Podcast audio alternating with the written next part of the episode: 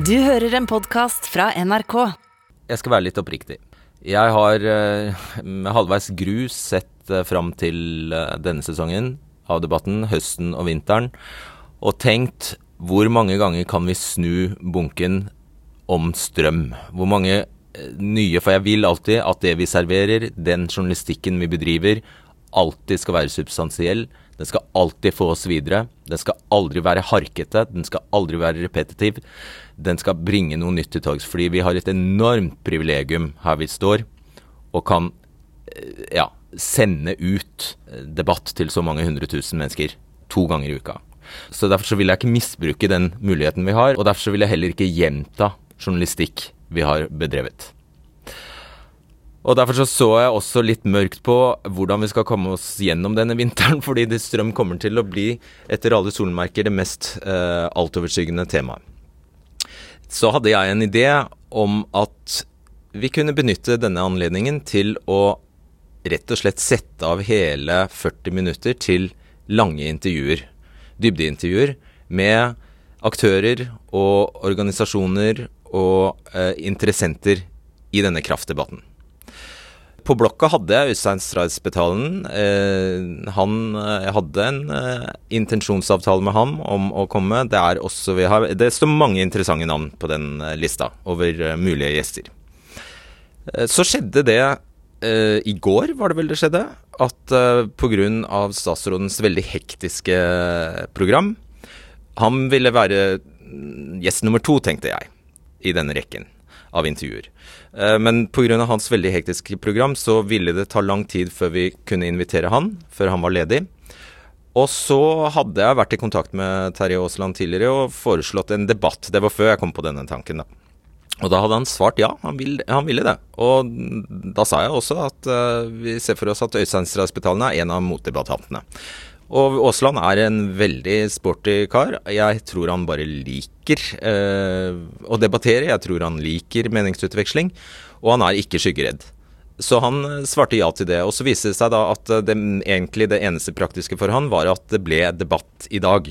Og det må vi jo egentlig bare finne oss i. Så, men da finner vi ut at for at de to Eh, skal få god nok tid for at argumentene skal få At de skal få tid til å fullføre argumentene og, og snakke så uavbrutt som mulig, så var det fornuftig at de bare var de to. Så det var forhistorien her. Terje Aasland ville i debatt med Øystein. Spetalen ønsket gjerne debatt, og ønsket å eh, bidra. Så det var egentlig sånn det ble til, dette her. Ja, vi ønsker velkommen til Dagsrevyen 21. I kveld har vi disse overskriftene. Verdenssamfunnet må bidra til å hindre en atomkatastrofe i Ukraina. Det sier utenriksministeren i Moldova, som frykter konsekvensene av ei ulykke. Nytt læreverk for videregående viser de omstridte karikaturtegningene av profeten Mohammed. Det er både klokt og viktig, sier forlegger. Kasper Ruud er klar for semifinalen i US Open. Vant tre strake sett mot italienske Matteo Berrettini i kvartfinalen. Verdenssamfunnet har en plikt til å sikre atomkraftverkene i Ukraina og hindre en potensiell katastrofe. Det sier utenriksministeren i Moldova. Landet fikk merke flyktningbølgen i starten av krigen, og frykter en ny bølge om ikke atomtrusselen tas seriøst.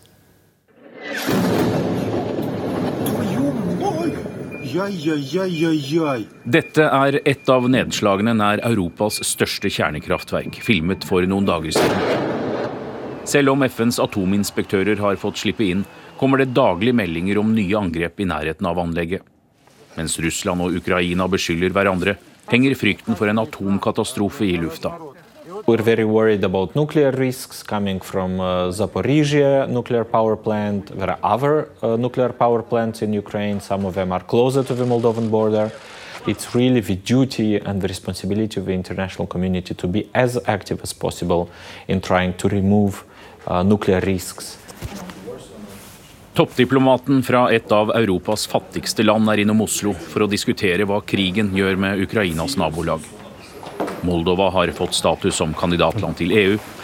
Minister, Og samler nå politisk støtte og forståelse i en ny tid. The number of threats has increased exponentially. Energy threats, hybrid threats, cyber threats, uh, destabilization threats, nuclear threats, all of that is of course very present in our part of the world. Over en halv million ukrainere flyktet gjennom Moldova da krigen startet. Det var før risikoen for en atomkatastrofe ble kjent. We are looking ahead with a degree of uh, worry and anxiety because any evolution of the front line could uh, generate new waves of refugees. We think it's very important for the international community to do everything that is possible to ensure the safety of these nuclear power plants. Samferdselsministeren vil ikke hindre Flytoget i å ta halvparten av togmarkedet på Østlandet. LO mener dette oppdraget bør gå til Vy. Saken kan bli en belastning i forholdet mellom LO og regjeringa. Flytoget ble nylig plukket ut til å forhandle om den kanskje mest lukrative togpakken, som omfatter halvparten av trafikken i Oslo-området. Vy ble vraket, men nå kjemper fagbevegelsen en hard kamp for at regjeringen griper inn og omgjør vedtaket. Men statsråden sier at Flytoget får oppdraget hvis de innfrir kravene. Ja, utgangspunktet er det sånn, men det er også sånn at hvis det oppstår en situasjon hvor man ikke kommer i mål, og at det er behov for å sjekke av med departementet, så er det jo en prosess med oss på det. Så nå er dette en forhandling mellom Jernbanedirektoratet og Flytoget om de klarer å komme i mål med de kriteriene dere har satt. Det er riktig oppfatta. Det er det mandatet som Jernbanedirektoratet har fått av oss. Men dette aksepterer ikke LO, som nå legger press på Arbeiderpartiet og regjeringen. Men han har ikke låst seg i noen konklusjon, og det er jo den åpninga som vi jobber videre med. Og at vi ønsker en løsning hvor det er vi som fortsatt har østlandsområdet. Flytoget har en stor fordel fordi det har forkjørsrett i Oslotunnelen. Men fordi det ikke stanser på alle stasjoner, blir skinnegangen dårlig utnyttet. Det betyr jo at det er mange passasjerer da, som ikke måte kan komme om bord i det toget sånn som det er skrudd i dag, det tilbudet. Og Det er vi ute etter å få gjort noe med. LO mener bedre bruk av skinnegangen lar seg løse med dagens modell, og blir sure hvis Vy ikke får beholde all togtrafikk på Østlandet. Vi vil bli negativt overraska, og det vil nok være en krevende situasjon i forholdet mellom LO og regjeringa på det området der. Et år før kommunevalget ser det ut til å blåse en kraftig høyrevind over landet. Erna Solberg og de borgerlige har fått et klart forsprang, og Høyre har ikke vært større siden 2013. Arbeiderpartiet og Senterpartiet er til sammen langt mindre enn Høyre, viser septembermålinga som Norstat har gjort for NRK og Aftenposten. Innbruddet i en butikk i Nordland gikk ikke helt etter planen for tyven, som måtte tilbringe hele natta i en bråkete kjeller. Dette kan du lese mer om og hvordan det gikk på nrk.no.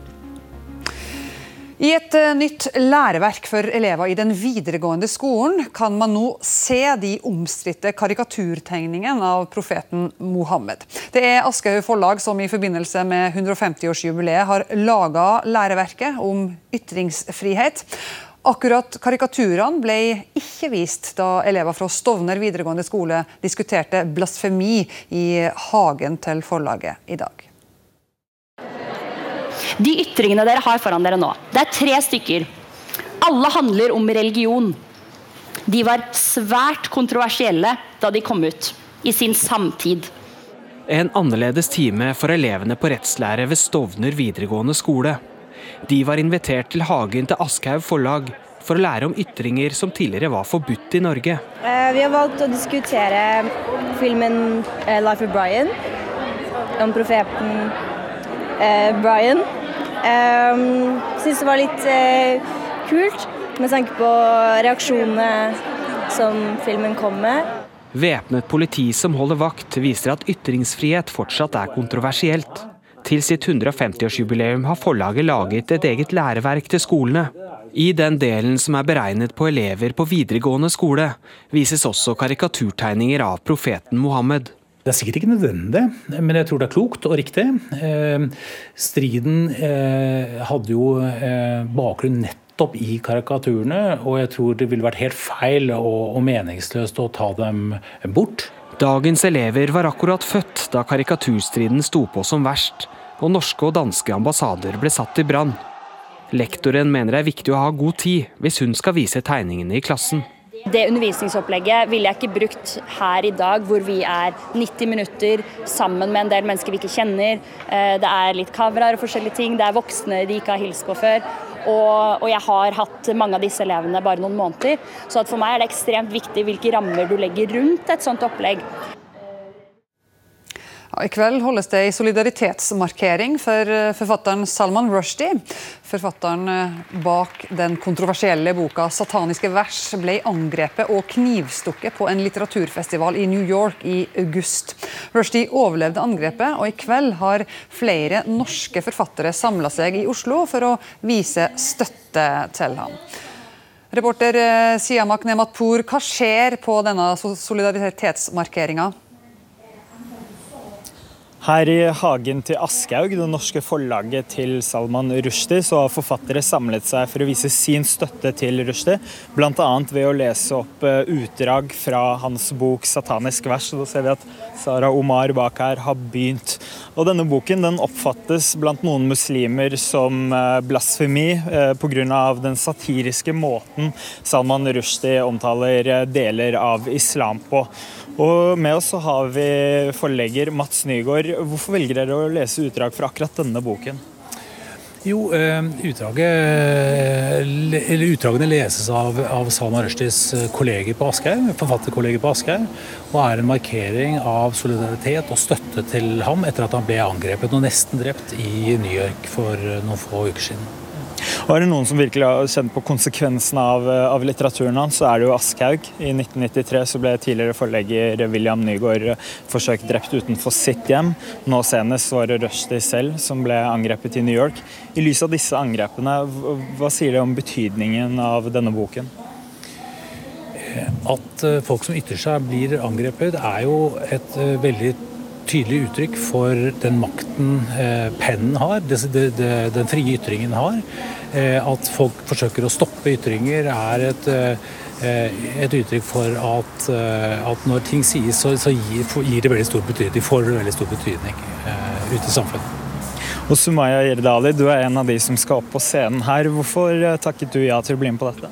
Jo, det er jo så enkelt som at når en forfatter blir angrepet, så er det også et angrep på alle forfattere.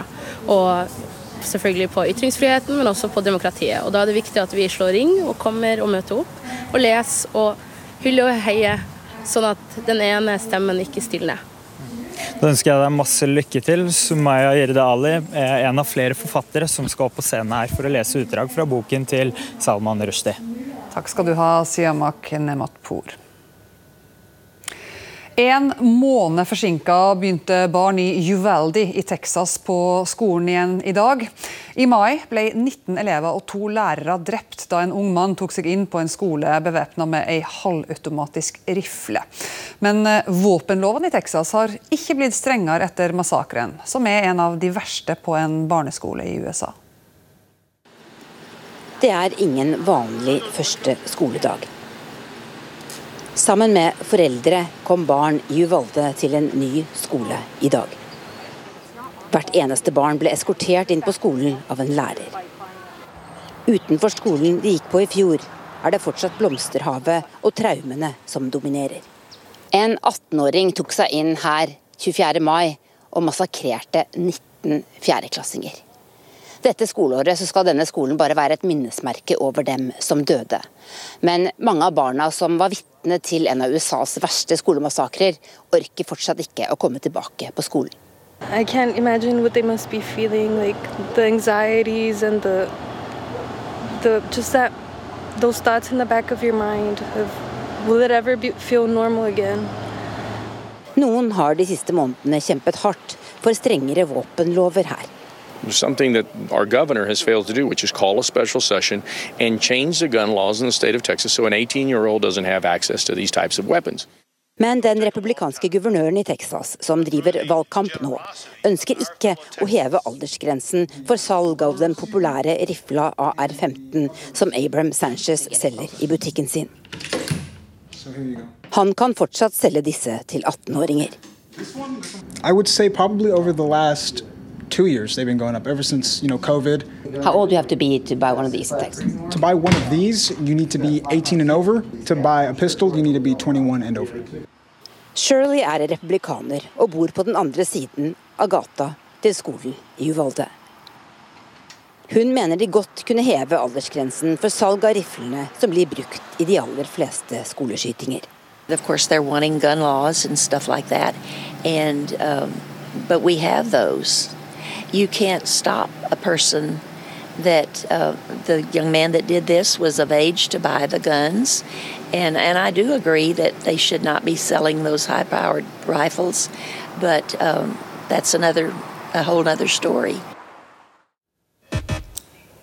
I sporten starter vi med tennis, for Kasper Ruud er klar for semifinalen i US Open. Etter en knallstart på kampen og 2-0 i sett, måtte nordmannen virkelig slite for å dra i land seieren. Kasper Ruuds motstander Matteo Berrettini og publikum tror knapt det de ser. For den norske tennisstjernen leverer spill på skyhøyt nivå.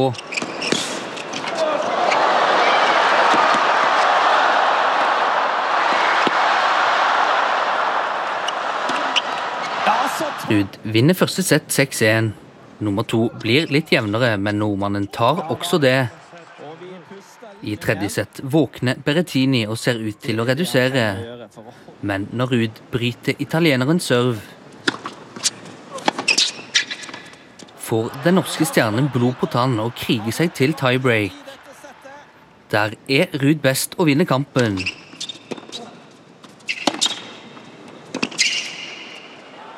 Hele 3-0 i sett. Hvis Ruud nå kommer seg til finale, er mulighetene store for å bli nummer én i verden. If I'm very, very lucky, I can leave uh, New York uh, as world number one. So I, I'm trying to go for it, of course. Som venta ble det en lett match for de norske fotballkvinnene hjemme mot Albania i kveld. I sin første kamp fra start takka Sofie Roman Haug for tilliten med å skåre hele tre mål. Her er Sofie Roman Haug akkurat ferdig med sin fjerde landskamp. Hun skåret tre ganger og ga det også en målgivende pasning. Det er veldig morsomt. Det var, nei, det er en morsom kamp å spille, og det passa meg bra kampbilde. Så nei, veldig morsomt. Roman Haug hadde ikke skåret på A-landslaget før kveldens oppgjør. I sin første landskamp fra start gjør hun 1-0 tidlig i første omgang. Like etter øker hun til 2-0. Norges tredje mål er Roman Haug også involvert i. Her spiller hun ballen frem til Maren Mjelde, som skårer. Debutant Mathilde Harviken lager straffespark. Aurora Michaelsen redder. Det er en god dag for Sofie Romanhaug. Nok en gang skårer hun. Nei, men så har jo den X-faktoren i boks, da. Eh, og det vet vi, og der er hun helt rå. Det er ikke mange som slår henne i hodedueller. Verken på vårt lag eller resten av verden, tror jeg. Så det er jo bare å fòre med de ballene. Og i en sånn kamp som, som det her, så passer det jo veldig, veldig bra. Flere debutanter markerer seg. Sara Hørte gjør sitt første mål for landslaget. Norge vinner 5-0. Neste sommer er det VM i Australia og New Zealand. Åge Hareide avslutter pensjonisttilværelsen og blir ny trener for den svenske klubben Malmö FF. Hareide la egentlig opp etter å ha trent Rosenborg i fjor, men er nå klar for sin andre periode som trener i Malmö, som han leda til seriegull i 2014. Hareide skal lede laget ut sesongen. Som pensjonist er det ikke mye spenning også. Og eh, jeg kjente på spenninga igjen. altså Bare kampen, altså Braga, League. Og det har jeg ikke kjent på lang tid. altså Det, det å gå rundt og innta fotball, det er ikke kult, altså. Dinamo Zagreb slo ut Bodø-Glimt på sin vei til mesterligaen, og i kveld var det Chelsea som fikk unngjelde for kroatene. En aldri så liten skrell ble det i Zagreb da Mislav Orsic skåra kampens eneste mål på vakkert vis. Da gikk naturligvis fansen også amok. Hjemmelaget de vant noe overraskende 1-0 over laget fra London. FC København får en tung start på årets mesterliga borte mot Borussia Dortmund. Hjemmelagets Marco Royce drar seg fint forbi forsvaret og setter inn 1-0 etter 34 minutter. Venstreback Rafael Gureiro spiller klikk-klakk og dobler ledelsen like før pause. Jude Bellingham kontrollerer inn 3-0, som blir resultatet. Alexander Aamodt Kilde vant utforcupen etter en strålende fjorårssesong. Men selv om han har mye å forsvare i verdenscupen, er det VM-medaljer Kilde jakter denne sesongen. For dem har han nemlig ingen av. Svingen er på plass før sesongen. Jeg tror det er greit, jeg. Men sjøl en av verdens beste alpinister blir aldri helt fornøyd. Denne sesongen er det verdensmesterskapene i Frankrike som gjelder. Ja, der har det vært veldig stang ut. Eh, så kjenner jeg litt på den revansjelysten. Er keen på å få noen medaljer der nå. Bare stanger og går i skogen og For Kilde har vært med i tre verdensmesterskap i karrieren, men beste plassering er en fjerdeplass. Forutsetningene for denne sesongen er likevel de beste. I år så har jeg fått trent jevnlig. Jeg kjenner at kneet tåler mer. Eh, Jeg er kanskje mer forberedt enn hva jeg var i fjor. Eh, Enda et år eldre med erfaring i boksen. Og med seg tar han den gode følelsen fra to OL-medaljer i vinter. Jeg har åpnet kontoen litt under OL i fjor, så får vi bare få det edle mentalet da, til å virkelig være med på laget. Vi skal få et værvarsel. Ja, det var strålende vær i Trondheim i dag, og det er nok eh, værvinneren kanskje de neste dagene. I hvert fall Midt-Norge får mye pent vær, og det er høytrykket her eh, som sørger for det. Fortsatt en del skyer i nord med litt eh, spredt nedbør, og så får vi et frontsystem etter hvert inn mot de sør-vestligste delene av landet. Vi ser også orkanen som ligger langt ute i havet. Den skal ikke berøre våre områder. Og I morgen får Spitsbergen kuling først på dagen. Litt regn eller yr, særlig i vest. Det vil eh, være litt regn eller yr i områdene fra Bodø og videre nordover, særlig da først på dagen. Ellers for det meste opphold. Litt lettere skydekke utover ettermiddagen i Nordland og Troms. Og I Sør-Norge fortsetter det med pent vær, men lokal morgentåke. Litt mer skyer lengst nord i Trøndelag. Og Utover dagen så vil det nok skye litt til i sør-vest, og til kvelden kan det komme litt regn sør i Rogaland og vest i Agder. Og det vil også blåse kuling da på kysten av Rogaland og Agder. Nå er Fredrik Solvang klar med debatten. Vi er tilbake med Kveldsnytt klokka 23.05. Takk for nå. Ja, og dagens strømsituasjon er tema i debatten straks.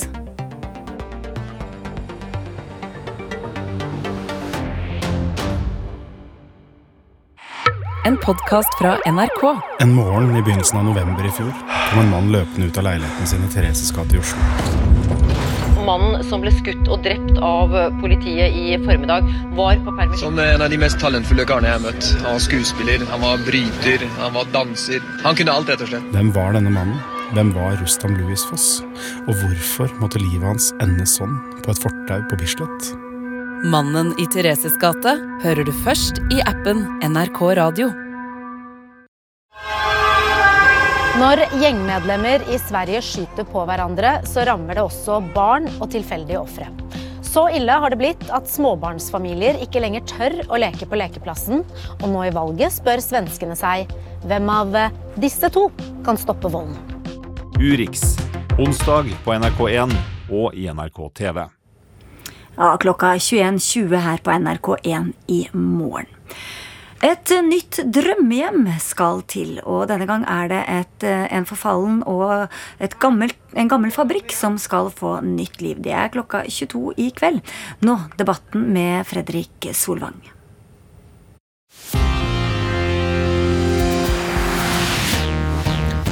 Det er to gjester i kveldens debatten. Det er olje- og energiminister Terje Aasland. Og det er investor Øystein Stray Spetalen. I 2014, altså for åtte år siden, sa Spetalen dette.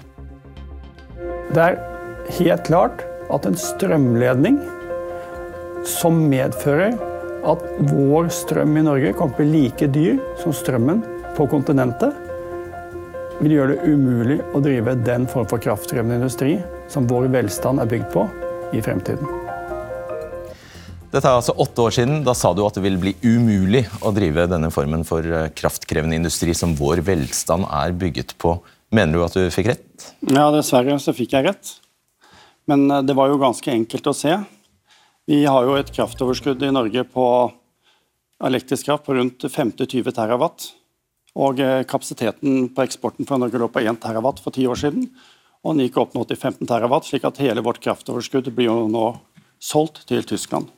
Og Vi ser jo også eksempelet helt enkelt at uh, i Nord-Norge hvor ikke har bygd noen kabler, men de har fortsatt disse samme kablene de hadde for ti år siden mellom Sverige og Finland på en, utvek, for en fornuftig utveksling mellom disse landene. Der er strømprisen i dag ti øre, mens den hvor nærmere kabelen så er den opp til fem-seks kroner. Og det er tyskeren i andre enden som bestemmer prisen, og ikke nordmannen som bestemmer prisen. Spetalen sa altså den gangen at han fryktet at vi ville få europeiske priser på strøm, og det har jo vitterlig skjedd. Vil du forklare hvorfor? Nei, vi hadde det i 2014 òg. Eh, og norske strømpriser har de siste tiåra fulgt eh, europeiske gasspriser. Eh, og det har vært situasjonen. Men så mener jeg at Spetalen tar feil på et vesentlig punkt. Jeg har ett mål, og det er at eh, Norge skal være industriens førstevalg. Fordi vi har tilstrekkelig mengde med rimelig energi. Og jeg mener at eh, opplevelsene de siste to åra viser veldig tydelig at det er veldig mange som ønsker å investere i Norge. Nettopp på basis av at vi har stabilitet, trygghet, forutsigbarhet og ikke minst enorme muligheter for å produsere tilstrekkelig mengde med rimelig energi i også fortsettelsen. og Det er det som er det viktige, at vi klarer å liksom få en konstruktiv debatt om. Hvordan skal vi forberede Norge som arena for framtidige industrielle investeringer? og Da er helt opplagt, som Spetalen sier, kraft er en viktig innsatsfaktor for industrien. og Da må vi sørge for at vi bygger ut mer energi i fortsettelsen, og at vi bygger mer nett, sånn at nettkrafta flyter dit hvor industrien etablerer seg, og at vi klarer også å få opp investeringene investeringen i fornybar energi. Nå er jo Den siste kabelen ikke mer enn ja, den er et år gammel omtrent, så det har jo, men basert på erfaringene siden da, da, så har det jo ikke ført til industridød i Norge? Nei, men den kommer. Med de strømprisene vi har nå, så har ikke vi noe konkurransefortrinn overfor resten av Europa. Så den kommer jo. Eh, det er veldig viktig å skjønne hvordan prisfastsettelsen foregår i dag på kraft. Vi har to børser, Nordpol og Euronext, som hver dag sitter og byr på strømmen. Og Det er ikke en gjennomsnittlig pris som gjelder. Det er hvis det er en tysker, eller italiener eller en franskmann som er villig til å betale 6 eller 7 kroner kilowattimen. Uansett om man kjøper for 1 euro, eller 10 millioner euro eller 100 millioner euro, så er det høyeste prisen som gjelder for alle nordmenn. Så lenge vi er tilkoblet den kabelen, og vi ikke har noen mulighet til å komme ut av ACER. Det sitter ACER, det er veldig viktig å skjønne hva ACER er. ACER er et kontrollorgan. Så på Majorstua, 500 meter herfra, i NVE-bygget, så sitter representanter fra ACER og følger med at Norge ikke jukser. Så Vi er helt under enhver kontroll i dag av ACER, og vi har heller ikke stemmerett i ACER. Ja, Du går så langt som å si at vi altså, har mistet selvråderetten vår på energiområdet? Ja, altså Hvis vi går tilbake historisk i Norge, så må vi gå tilbake 100 år på konsesjonslovgivningen og konsesjonsloven for 100 år siden, hvor norsk vannkraft fikk en verdi pga. at vi klarte å omstille vannet til elektrisk energi, så var det en klappjakt på norske kraftverk rundt omkring i Norge. Og det var franskmenn, tyskere og svensker som hovedsakelig kjempet om dette og, kunne, og kjøpte opp fossefallene rundt omkring for å bygge industri. Da var det bred politisk enighet om at dette måtte umiddelbart komme ut norsk kontroll, og vi fikk innført konsesjonslovgivningene. Og På basis av det fikk vi oppbygd bedrifter som Yara, Hydro, Elkem, Årdal og Sunndal Verk, Odda. Alt dette her er basis av konsesjonslovgivning for 100 år siden. Og du mener vi har frasagt oss eh, retten Den har vi mistet nå. For den hadde én ting. Energien skulle være billig, så nordmenn kunne få tak i billig, og vi kunne bruke den til energiutvikling. Hadde vi hatt dette for 100 år siden med kabel, så hadde det ikke vært noe norsk industri. For vi hadde mistet fortrinnet på den billige energien. Så vi har vært i fri konkurranse med de kapitalsterke kreftene på kontinentet og vi hadde mistet de mulighetene til industrialisering i Norge. Det er hevet over enhver tvil. Ta ACER etterpå, men ta kabler først. fordi Du er vel her for å snakke om Det er, det er, det er sant, vi har fått to digre kabler på kort uh, tid nå. Og du er her egentlig for å si at disse to er greit, men en tredje kabel nei, det er ikke greit, for da er du redd for prissmitte.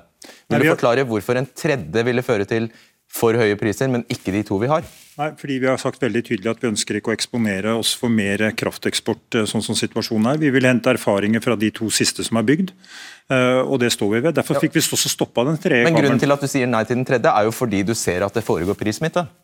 Det er eh, prissmitte, noe prissmitte er det. Og det er klart, sånn som situasjonen er nå, med en ganske brutal krig i Ukraina, en strategisk disponering av energiressursene i, Europa, nei, i Russland, som, å, som, Putin bruker for å splitte, splitte, Europa, er ganske brutalt. Og han lykkes jo på en måte. Hvis alle hadde blitt uh, i utgangspunktet litt nasjonalistiske og kun tenkt på seg sjøl, så hadde, det, hadde, han lykkes veldig. Men jeg har lyst til å litt tilbake igjen til det som er grunnlaget. Nettopp at uh, vi har forlatt et spor om at konsesjonslovgivningen liksom er borte.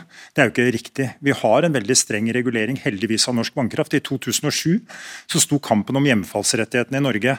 Da var det sånn at vi tapte ESA-dommen, men vi klarte å regulere dette på en sånn måte at vi fikk sikra det offentlige eierskapet som en juvel i det norske kraftsystemet. Og en... Minn oss på hva det er, hjemfallsretten. Ja, Hjemfallsretten er jo at eh, når de private som eh, Spetalen snakker om, hadde hatt kraftverket i 60 år, så, eh, eller så falt det en, etter en viss tidsperiode tilbake igjen til staten, sånn at fellesskapet fikk, fikk eiendomsretten til det.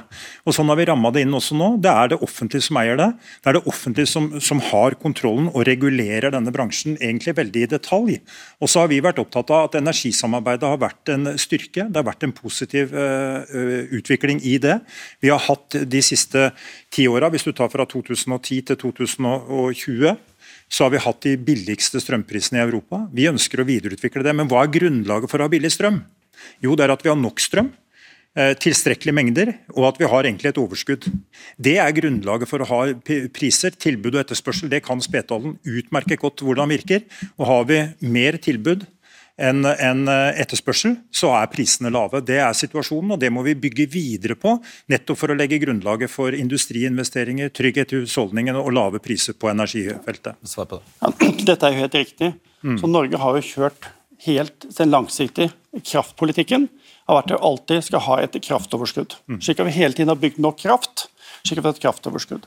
Så I Norge produserer vi i dag ca. 150-160 TWh per år. Og vi forbruker med industrien og husholdningen husholdningen bruker vel 40 terawatt, men totalt så bruker Norge ca. 140 terawatt. Så vi har et kraftoverskudd hvert år på 20 terawatt, og de 20 terawattene de gjør at prisen holdes nede, for det alltid er kraft, nok kraft til stede. Så så langt er dere faktisk enige? Men det som har skjedd, det er at den kabelen Nummer én, den tar hele kraftoverskuddet. Og at vi prises ikke internt på det som har vært lønnsomt i Norge, og holder prisen nede ved å ha nok kraft. Men så vil jeg si en ting til. Det som er veldig viktig Terje Aasland kommer hele tiden nå til å skylde på Putin, Ukraina og fellesskap. Det er hans, hans strategi nå for å skygge over feilene som er gjort. La oss snakke litt om tallene i EU. EU de konsumerer hvert år 20 000 TWh med energi. 20 000 TWh energi. Hovedsaken er olje, gass og elektrisitet. Norge eksporterer kun 15 terawatt, jeg gjentar 1,5 terawatt av de 20 000 terawattene til Europa. Så de 15 terawattene de betyr ingenting i Europas energibalanse. Ingen, ingenting betyr de. Og Han kommer sikkert til å si at elektrisitetsmarkedet er mindre. Elektrisitetsmarkedet som du går inn i, er ca. 3500 terawatt. Så det er under en halv prosent. Hva har dette med krigen å gjøre? Fordi De kommer til å skylde at det er solidaritet. Dette har ingenting med solidariteten å gjøre, de prisene. Prisene i dag er ved et underlagt markedet som vi ikke var inntil 2020. Hadde vi ikke hatt kabler, så hadde prisen vært som i Tromsø. Tromsø har ikke kabler, og det er prisen, Unnskyld, det er prisen det er. Vi har hatt et marked uh, siden 1991 i Norge når det gjelder kraft. Det vet du utmerket godt om. Ja, men ikke med kabler. Så er det sånn at uh, Nei, Vi har fått de to siste kablene. og har nå, en, nå har vi en gjennomgang, en evaluering av hvordan eh, disse eh, kablene påvirker både eksportsituasjonen vår, forsyningssikkerheten vår og prisnivået vårt. Men utgangspunktet er vi enige om. Det er at vi må ha overskudd av kraft i Norge for at vi skal få ned prisene. Det er et godt utgangspunkt. Tilbud og etterspørsel er vesentlig her. Da må vi sørge for at vi bygger ut mer kraft sørge for at vi klarer å bygge ut mer enn nett, sånn at vi klarer å utnytte de mulighetene. Du, du, det som skjer nå med disse to nye store kablene, det er at vi eksporterer vekk det overskuddet. og Dermed forsvinner fortrinnet og egentlig hele fundamentet for, ja, de, de, for, for regnestykket. De, de kablene har også sin begrensning. Eh, så det er jo ikke, liksom, er ikke å åpne sluser ut av Norge. Som jeg sa, Denne regjeringen er veldig tydelig på at ikke vi skal bygge flere utenlandskabler nå. Vi skal hente erfaringer fra den situasjonen vi er inne i. Det er viktig at vi tar gjennomtenkte beslutninger, og ikke, ikke kortsiktige beslutninger på den situasjonen vi er inne i. Og så er det, er det litt viktig. Det energisamarbeidet som vi har med, med landene rundt oss, det har tjent Norge godt. Det har gjort at vi har fått større verdi av vannkrafta, fordi vi har kunnet eksportert når det har vært overskudd av kraft i Norge. Og så har vi samtidig kunnet importert, for det er ganske mange år i historien som viser også at vi har hatt behov for det. Vi har importert billig vindkraft når vi trenger det. Det er en kvalitet at den har den kraftutvekslingen. Det tror jeg også bør fortsette, sånn som situasjonen er. Men det som er viktig, det er at vi også klarer å bygge ut mer kraft, sørge for at vi får mer nett, sånn at vi sikrer vår egen situasjon. Og så er det viktig at vi også bidrar til den energiomstillingen som er i Europa. Det viktigste vi kan bidra med på kort sikt, det er helt riktig, det er gass. Gass er en, altså, betydning, jo, det er, det er en betydningsfull innsatsfaktor, hvor vi bare i løpet av dette året vil, eh, vil eksportere 100 TWh eh, mer elektrisitet gjennom gassen vår til Jeg vet Europa. Begge dere har lyst til å snakke om gass, og det skal dere eh, absolutt få gjøre. Du skal bare... Eh, ditt premiss her er jo egentlig at han er mest opptatt av å skyve krigen foran seg, hvis jeg skjønner, skjønner det rett. og du, du påpeker at det er ikke krigen som er årsaken til de problemene vi står oppe i. Jeg har bare lyst til å henlede oppmerksomheten til en grafikk her. Den starter altså i 2017 og slutter i 2022. og Den viser sammenhengen mellom norske, sør, sørnorske strømpriser og gassprisen. Og den viser, er jo i enkelhet at de følger hverandre veldig. Smitten har alltid på, eh, skjedd på den måten. Så det er jo, og Kablene vi snakker om, de kommer jo ikke før i 2021. Så det kan ikke alene være kablene. Spetal som fører til prisene? Prisene begynte å gå idet vi begynte å åpne kablene, og forventninger om kablene. Og sammen med gassprisene. Men dette Nei. med kab... Vent, vent litt. Dette, Nei, det er feil. Vent, vent, vent vent, Men, men premisset er feil nå. Men vent litt. Ja, men, la ham bare fullføre, og så slipper du til. Det som er følgende Vi har i dag kapasitet til å eksportere all overskuddskraft, elektrisitet, ut i dag. Å fylle på med mer kraft, og disse kablene har mer kapasitet, det er som å fylle på mer vann i badekaret når du har proppen oppe. Det renner ut hele tida. Så lenge det, så hvis vi bygger mer kraft, som han sier, så vil det bare gå til eksport? Men, er det det du sier? Riktig, fordi at du har han i andre enden, som er Tyskland. Han har et energibehov på, to, på 550 TWh i året. Han har nedlagt kull, han har nedlagt nuclear, og han baserer seg kun på vind og sol i fremtiden. Og han har et kraftunderskudd på kanskje 200 TWh i året. Og han spør etter terawatten hele tiden. Så det er uendelig kan vi bygge ut. og Prisen blir fortsatt høy, for han har uendelig, uendelig etterspørsel. For det er én ting som er sikkert. Er, mange er uenige om at klimakrisen, eller us, usikre uenighet om klimakrisen, om den er menneskeskapt eller ikke. Men én ting som er sikkert, det er at energikrisen i Europa, den er menneskeskapt. Bare, kan du ikke bare prøve å forklare Hvorfor følger strøm, den sørnorske strømprisen gassprisen selv før disse kablene? Ja, det begynte jo med forhandlingene rundt at russerne begynte å tulle med Nord Stream. Ikke sant? De begynte å tulle med Nord Stream. 2017? Ja, nei, ikke 2017. Du ser Dette var opp og ned, da. Men du ser i fjor høst, altså fra desember 2021 og framover, så begynte russerne å tulle med Nord Stream og, og ta den opp og ned fordi at var, eh, De fikk jo en disput om de skulle få lov å åpne Nord Stream 2 eller ikke. Og For å, for å, for å vise alvoret overfor EU at de måtte åpne Nord Stream 2, for det var debatt om det, så begynte de å true med å stenge Nord Stream 1 opp og ned hele tiden. Og Dermed sier gassprisen, og så følger jo gassprisen, elektrisitetsprisen gassprisen, i og med at gassmarkedet er mye større enn det frie elmarkedet. Hvis du ser på grafen, så ser du veldig tydelig at sånn halvveis inn i 2021 så begynner Russland å strupe på gassen. Ja. Det er situasjonen. Og han har bevisst brukt energi som et våpen og et strategisk virkemiddel for å splitte Europa, sette europeiske land opp mot hverandre og lage en krevende situasjon i en situasjon hvor de angriper Ukraina og driver en forferdelig eh, angrepskrig mot det ukrainske folket. Det er realiteten i det. Men så er det noen påstander som du kommer med som, er, eh, som blir litt, sånn, litt rare. Altså Uendelig etterspørsel, ja. Men det er ikke uendelig eksportkapasitet fra det norske kraftsystemet til det europeiske markedet. Altså Det er begrensa av de tekniske installasjonene som er der. Det skjønner eh, alle, eh, og, og, det må vi forholde oss til. Det, det, vi tar ikke vekk bånden av badekaret. Vi forholder oss til de, kablene som ja, er. Det er, det er eksportbegrensninger allerede i den Den begrensningen er ikke større Åsland, enn at de 17 eh, forbindelsene vi har til utlandet i dag, sammenlagt kan eksportere halvparten av forbruket ja, vi, i Sør-Norge. Vi er i en situasjon som har et væravhengig kraftsystem som gjør at vi har ulike situasjoner i nord. Hovedårsaken til situasjonen i nord nå er jo selvfølgelig at det er et betydelig kraftoverskudd. Det har regna der i hele sommeren. Og for de som har vært i nord i løpet av sommeren, har blitt våte. Det er liksom grunnlaget for de lave prisene der oppe nå. Eh, her eh, i Sør-Norge så har omtrent ikke regna i hele tatt. Viser ikke det at overskudd gir lave priser, så enkelt som det? Jo, og det er det jeg sier. Derfor, derfor, så er hans poeng vi må nei, beholde overskudd. Ja, og derfor så sier jeg at vi må bygge ut mer kraft. Uh, bruke de mulighetene vi har, nettopp for å, å, å, sørge for at vi har nok kraft uh, og tilstrekkelig kraft i, i, i, i, store nok mengder til det. Det vil også være med på å presse prisene ned. og Det er sånn at det er ikke, det er ikke uh, eh, ubegrensa uh, installasjoner som gjør at vi kan eksportere all den krafta vi skal produsere. Tvert om, det er ganske store begrensninger også på det. Uh, jeg må gå tilbake til utgangspunktet mitt. For at Norsk kraftpolitikk har som Aasland har sagt hele tiden, har vært at vi hele tiden skal bygge norsk, nok kraft til å ha den nødvendige overskuddskraften De har alle prisene nede. Ja. Og Det er vel ingen som er uenig i at vi fortsatt må bygge ut kraft. Nei, for det vil du også. Du vil bygge vind og du vil bygge Alle, alt mulig. Vi må ha kraft for å holde prisen nede, så det er ikke noe uenighet om her. Det, er bra.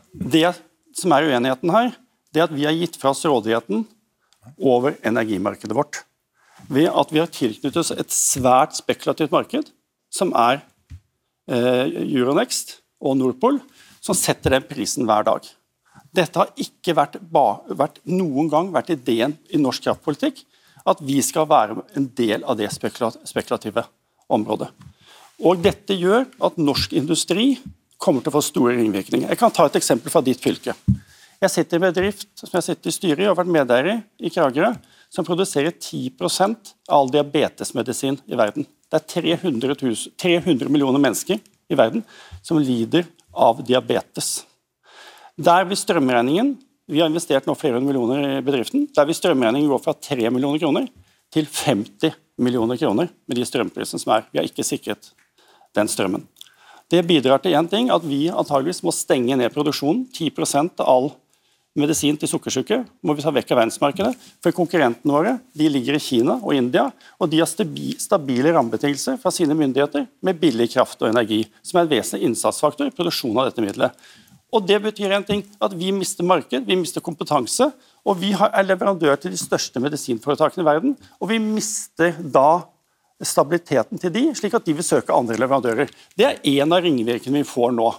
Også, derfor må de må gjøre noe. Hva gjør vi? Det er, det er staten som eier kraften, ikke politikerne. Og staten, det er alle vi som sitter og ser på TV.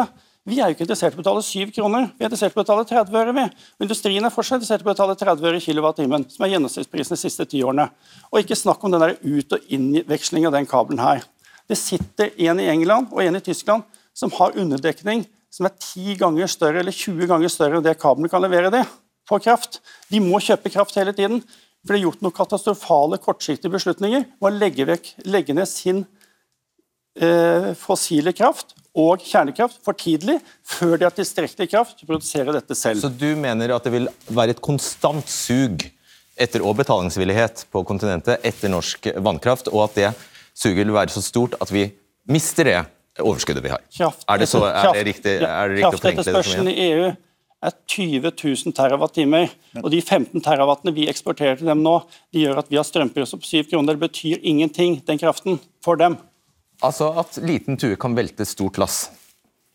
Nei, altså Det energisamarbeidet vi har, det betyr mye for uh, Norge, og det betyr mye for uh, de landene vi har kraftutveksling med. Norge annet enn negativt. Det eneste betyr at strømprisen er syv kroner. Noe annet betyr Nei, jo ikke. Det, det, er negativt. Selvfølgelig er det negativt at strømprisen er syv kroner. og Derfor har vi også sikra husholdningene med en eh, strømstøtteordning som gjør at vi reduserer uh, alt over, 90, nei, over 70 øre med 90 Eh, og vi jobber med tiltak også for næringslivet. Og næringslivet, Vi oppfordrer også Spetalen, som sitter da i en rekke ulike styrer, bindes opp i fastprisavtaler som gjør at du kan sikre deg mest mulig. Vi kommer nå med en løsning også for næringslivet som gjør at en får bedre fastprisavtaler ved å endre hele skattesystemet for, for, eh, for kraftproduksjonen og gå fra grunnrenteskatt til kontraktspris. Jeg vil anbefale å gjøre, eh, følge opp det som regjeringen foreslår på det når du sitter i bedriftsstyrene.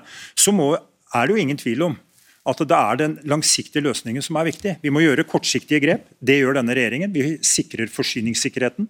Vi har kommunisert til kraftprodusentene tydelig. Holde igjen på vannet gjennom denne sommeren fordi vi trenger det vannet til vinteren.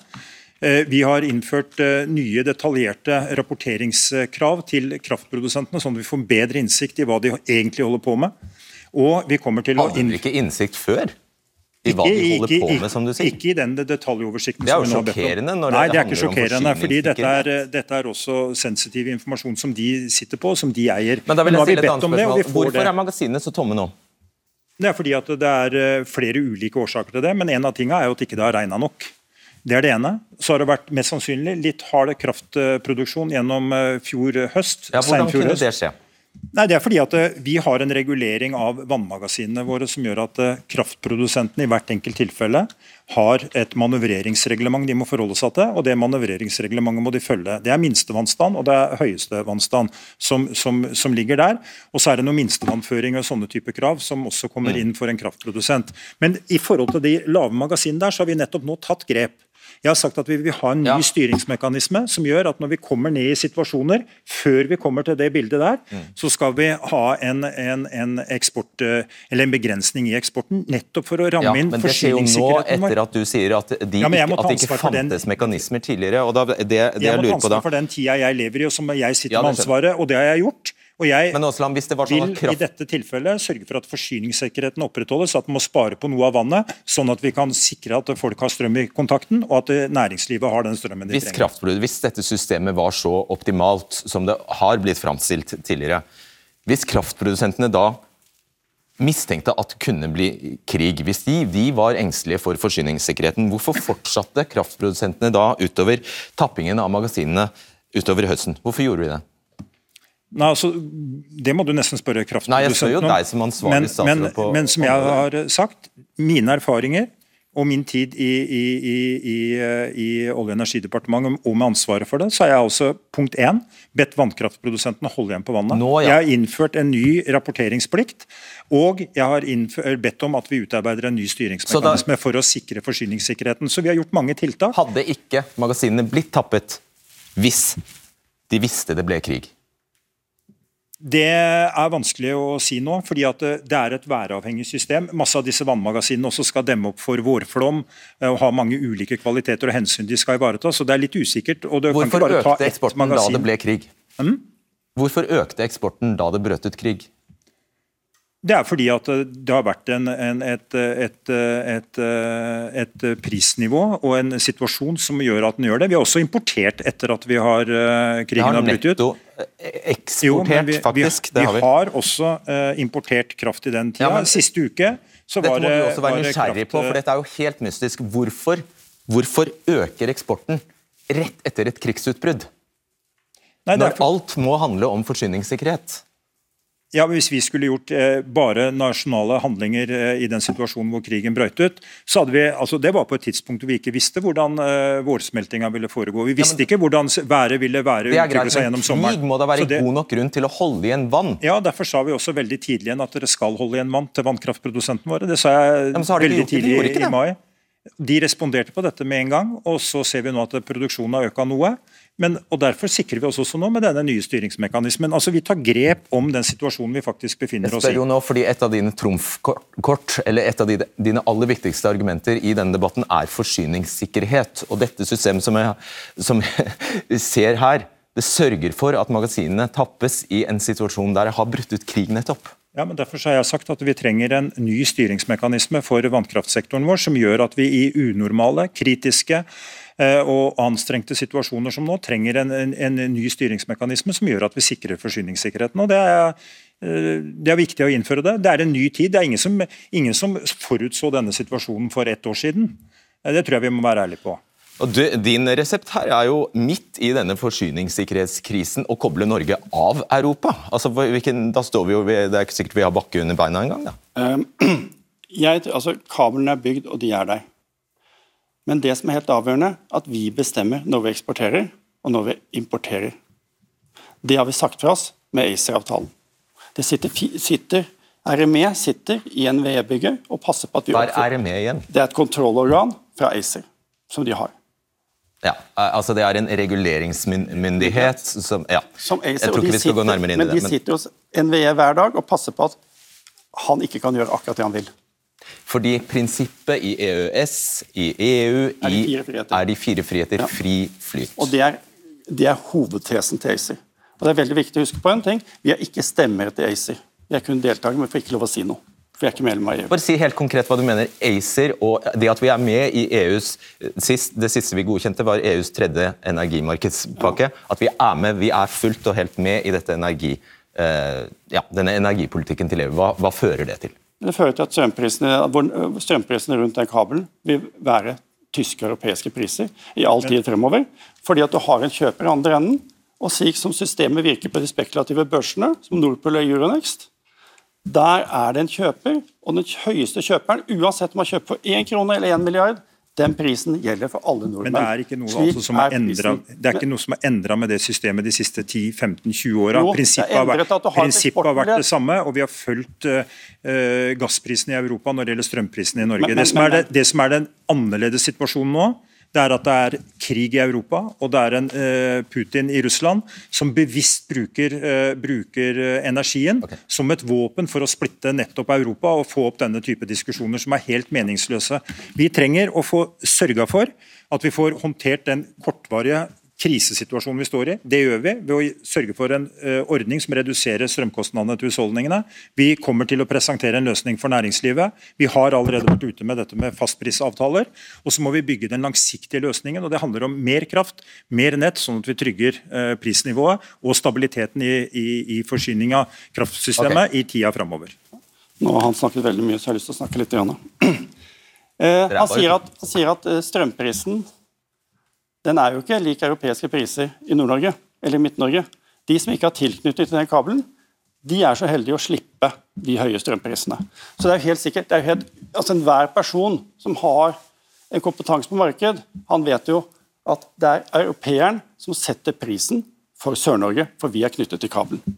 Årsaken til de lave prisene i Nord-Norge er jo selvfølgelig at det nå er et betydelig kraftoverskudd. der. Ja, Det ja, regna ja, der i hele sommer. Vannet renner over dammene. Ta inn virkeligheten som er der. Det er hovedingrediensen. Ja, ja, men må jeg få lov å snakke. jeg få lov å snakke. Gjennomsnittsprisen i Norge har vært 28 øre de siste ti årene, før vi hadde kabelen. Og nå har vi et kraftoverskudd der oppe, men de har hatt utveksling fram og tilbake. Og det, når det gjelder på Vestlandet, så jeg med, fikk jeg telefon fra en i Bergen i dag. De har hatt rekordnedbør nå i sommer. Så det har vært mye nedbør på Vestlandet, men egentlig sør i Rogaland har det vært mindre. Men kraft, vannmengden har omtrent vært det samme i Sør-Norge som historisk. Det har ikke vært noe mindre vann i år enn det det har vært på et normalt nedslagsfelt, nedslagsområde i disse vannmagasinene. Mm. Men det som er følgende Hvis du tok en folkeavstemning i dag i Nord-Norge, hvor mange tror du hadde stemt ja til kabel til Tyskland? Nei, det er, tolker jeg som et retorisk Ja, spørsmål. ikke sant? Det er jo ingen som hadde stilt ja, ville hatt den kabelen i Nord-Norge i dag. Du vet jo Prisen i morgen er jo syv kroner. Har du kabel i Nord-Norge, så er prisen der syv kroner. Og så vil jeg si en ting. Dette gassmarkedet i Europa, det syns jeg vi skal begynne å diskutere litt. For det er ganske spennende hva som har skjedd med det gassmarkedet. Hvis du er snill, så, du, du, så fullfører vi det med ACER uh, først, og så tar vi gass. Uh, jeg lover. Vi tar gassen Og hvor mer, vent, han, skal bygge, vent, han skal bygge et strømnett fra nord og sør videre. Hvor bedre strømnett du har fra Nord-Norge og Midt-Norge ned til kabelen, hvor høyere blir prisen. Nei, la oss ta, eh, la oss ta til, det- til, og- og- ja, eh, til det siste. altså Vi trenger et bedre eh, nett i hele landet. Det er veldig viktig. Vi trenger mer investeringer i fornybar energi i hele landet. Nord-Norge går går inn for noe fet kabel til Nord-Norge. Nord-Norge går mot et kraftunderskudd i løpet av ti år. Og Hvis de lykkes også med de fantastiske mulighetene de har for å tiltrekke seg investeringer i industrien, så vil kanskje kraftunderskuddet komme raskere. Det betyr at de trenger en velfungerende infrastruktur, og de trenger investeringer i ny kraftproduksjon for å legge grunnlaget for trygge investeringer i industrien. Det er jeg sikker på at Spetalen vet alt om. Det er forutsetningen for å lykkes med det. La oss bare eh, snakke vi, vi kan, eh, Du svarer på spørsmålet om ACER, så kan vi godt legge ACER, eh, ACER bak oss for min, for min del. Altså, EUs tredje energimarkedspakke og ACER de er der for å sørge for felles regler for utveksling, altså for kraft- og gassmarkedet i Europa. Og Målet her er å utnytte kapasiteten aller best, så, så godt som mulig i hele EU, gjennom å skape et samlet marked og det sier seg selv for gass og elektrisitet, og det sier seg selv at en av, en av forutsetningene for at det skal bli et samlet marked, er at prisen utjevnes. Fri flyt tilhører de fire friheter i, i, i eh, EU-traktaten, og ACER er der for å sørge for at det er fri flyt mellom landegrensene. Vi skal påse det. Nå når selve problemet her, og det vi snakker om, er koblingen mellom norsk vannkraft og gass, altså prisen på norsk vannkraft og prisen på gass, da er jo dette, Hvis vi vil ha slutt på dette, så er jo dette systemet, energimarkedssystemet og ACER, det vi må ut av. Da melder vi oss ut av energisamarbeidet, da melder vi oss ut av, av EØS-avtalen. Da sier vi nei også til den, eh, og det er jeg sterkt imot. Jeg tror vi er gjensidig avhengig av hverandre. Europa er eh, Norges viktigste handelspartner. Eh, og Det er viktig at vi opprettholder det samarbeidet på en god og trygg måte. Norge har også tjent godt på energisamarbeidet. Vi har fått utnytta våre investeringer på en god måte. Det har bidratt til at vi har kunnet hatt lave priser i, i Norge.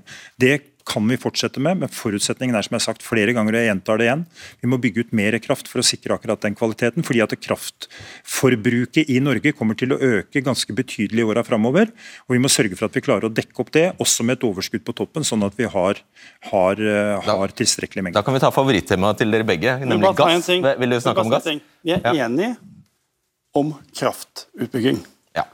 Men, Men kan du kan bygge så mye kraft du vil, så lenge du har eksportmuligheter og det er tilknyttet ACER, så har vi europeiske priser. Og Hvor mer nettet bygger ut internt i Norge, hvor mer europeiske priser får du hvor mer nettet er bygd ut.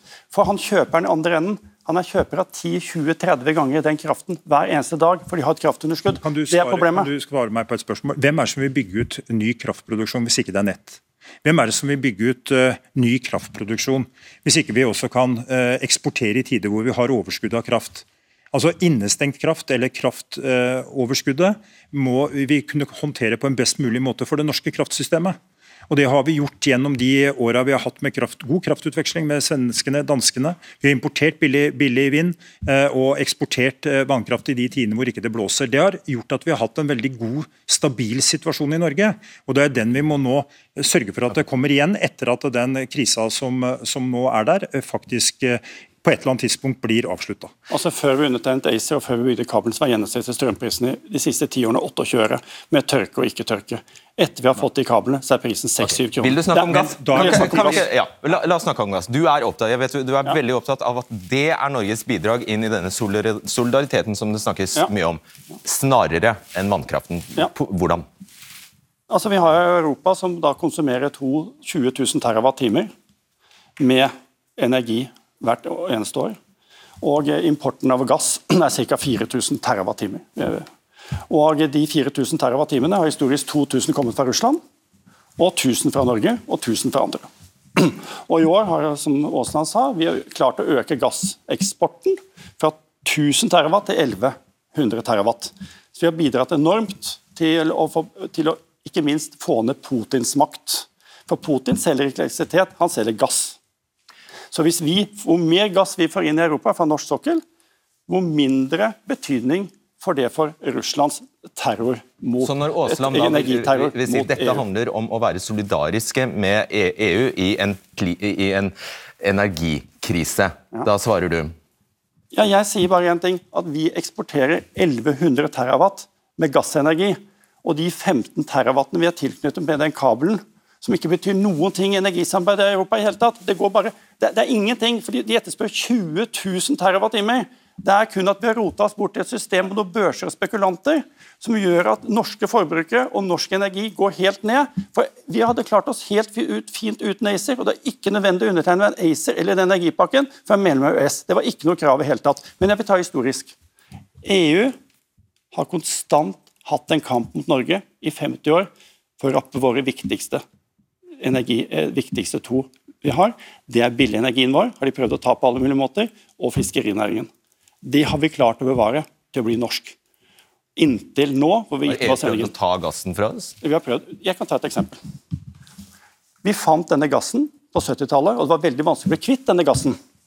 Så i midten av 80-tallet så klarte Statoil å fremforhandle en langsiktig avtale med europeerne om kjøp av gassen.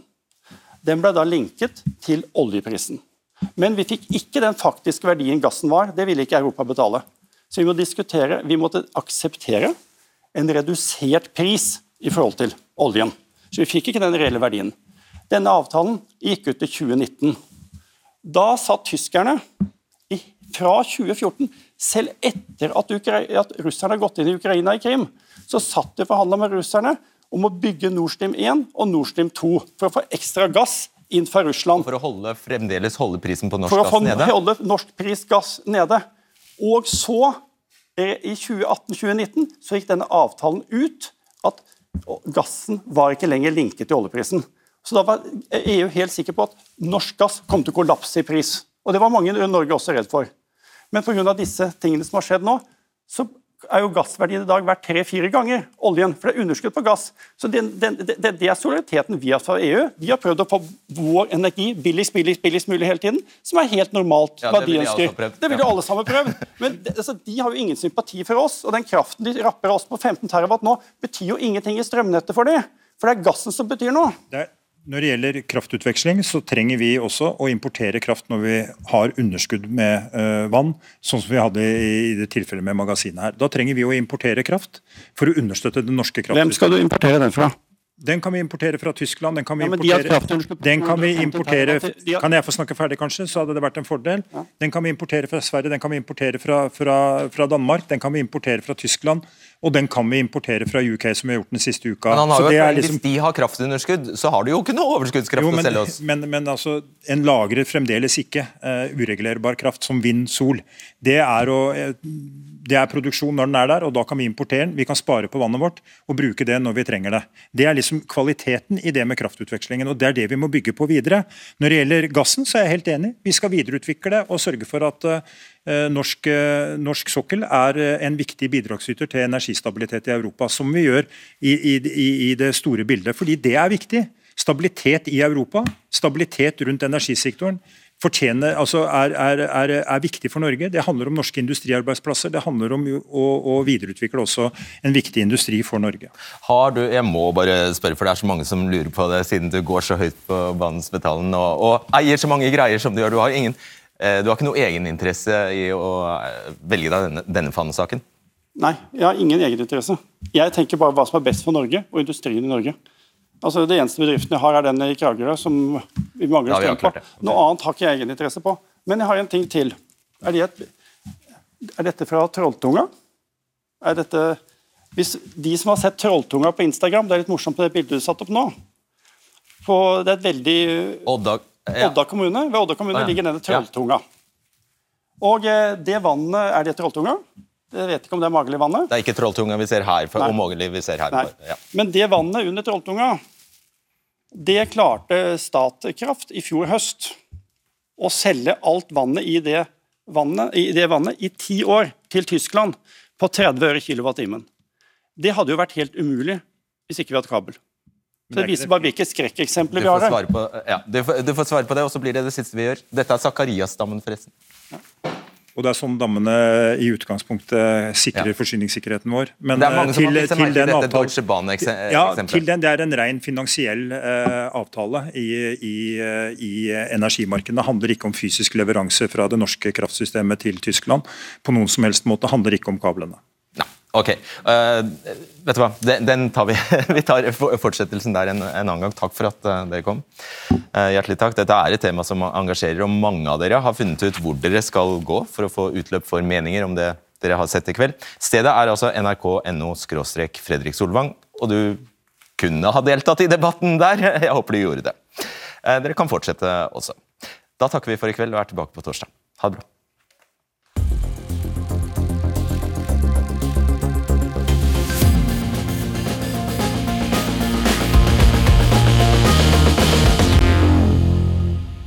Jeg vet, og selvfølgelig så registrerer jeg også, at det er lett å være fordomsfull og tenke at hva er det NRK driver med, hva er det de driver med nå i debatten? Setter Øystein Stray Spetalen eh, i studio for å eh, hakke i stykker eh, Terje Aasland. Hvis jeg hadde følt at det var en risiko for det, så hadde vi aldri gjort det. Ikke bare jeg, men redaktørene hadde jo ikke gjort det. Og sånn gikk det jo virkelig ikke. Jeg føler selv at eh, det ble balanse.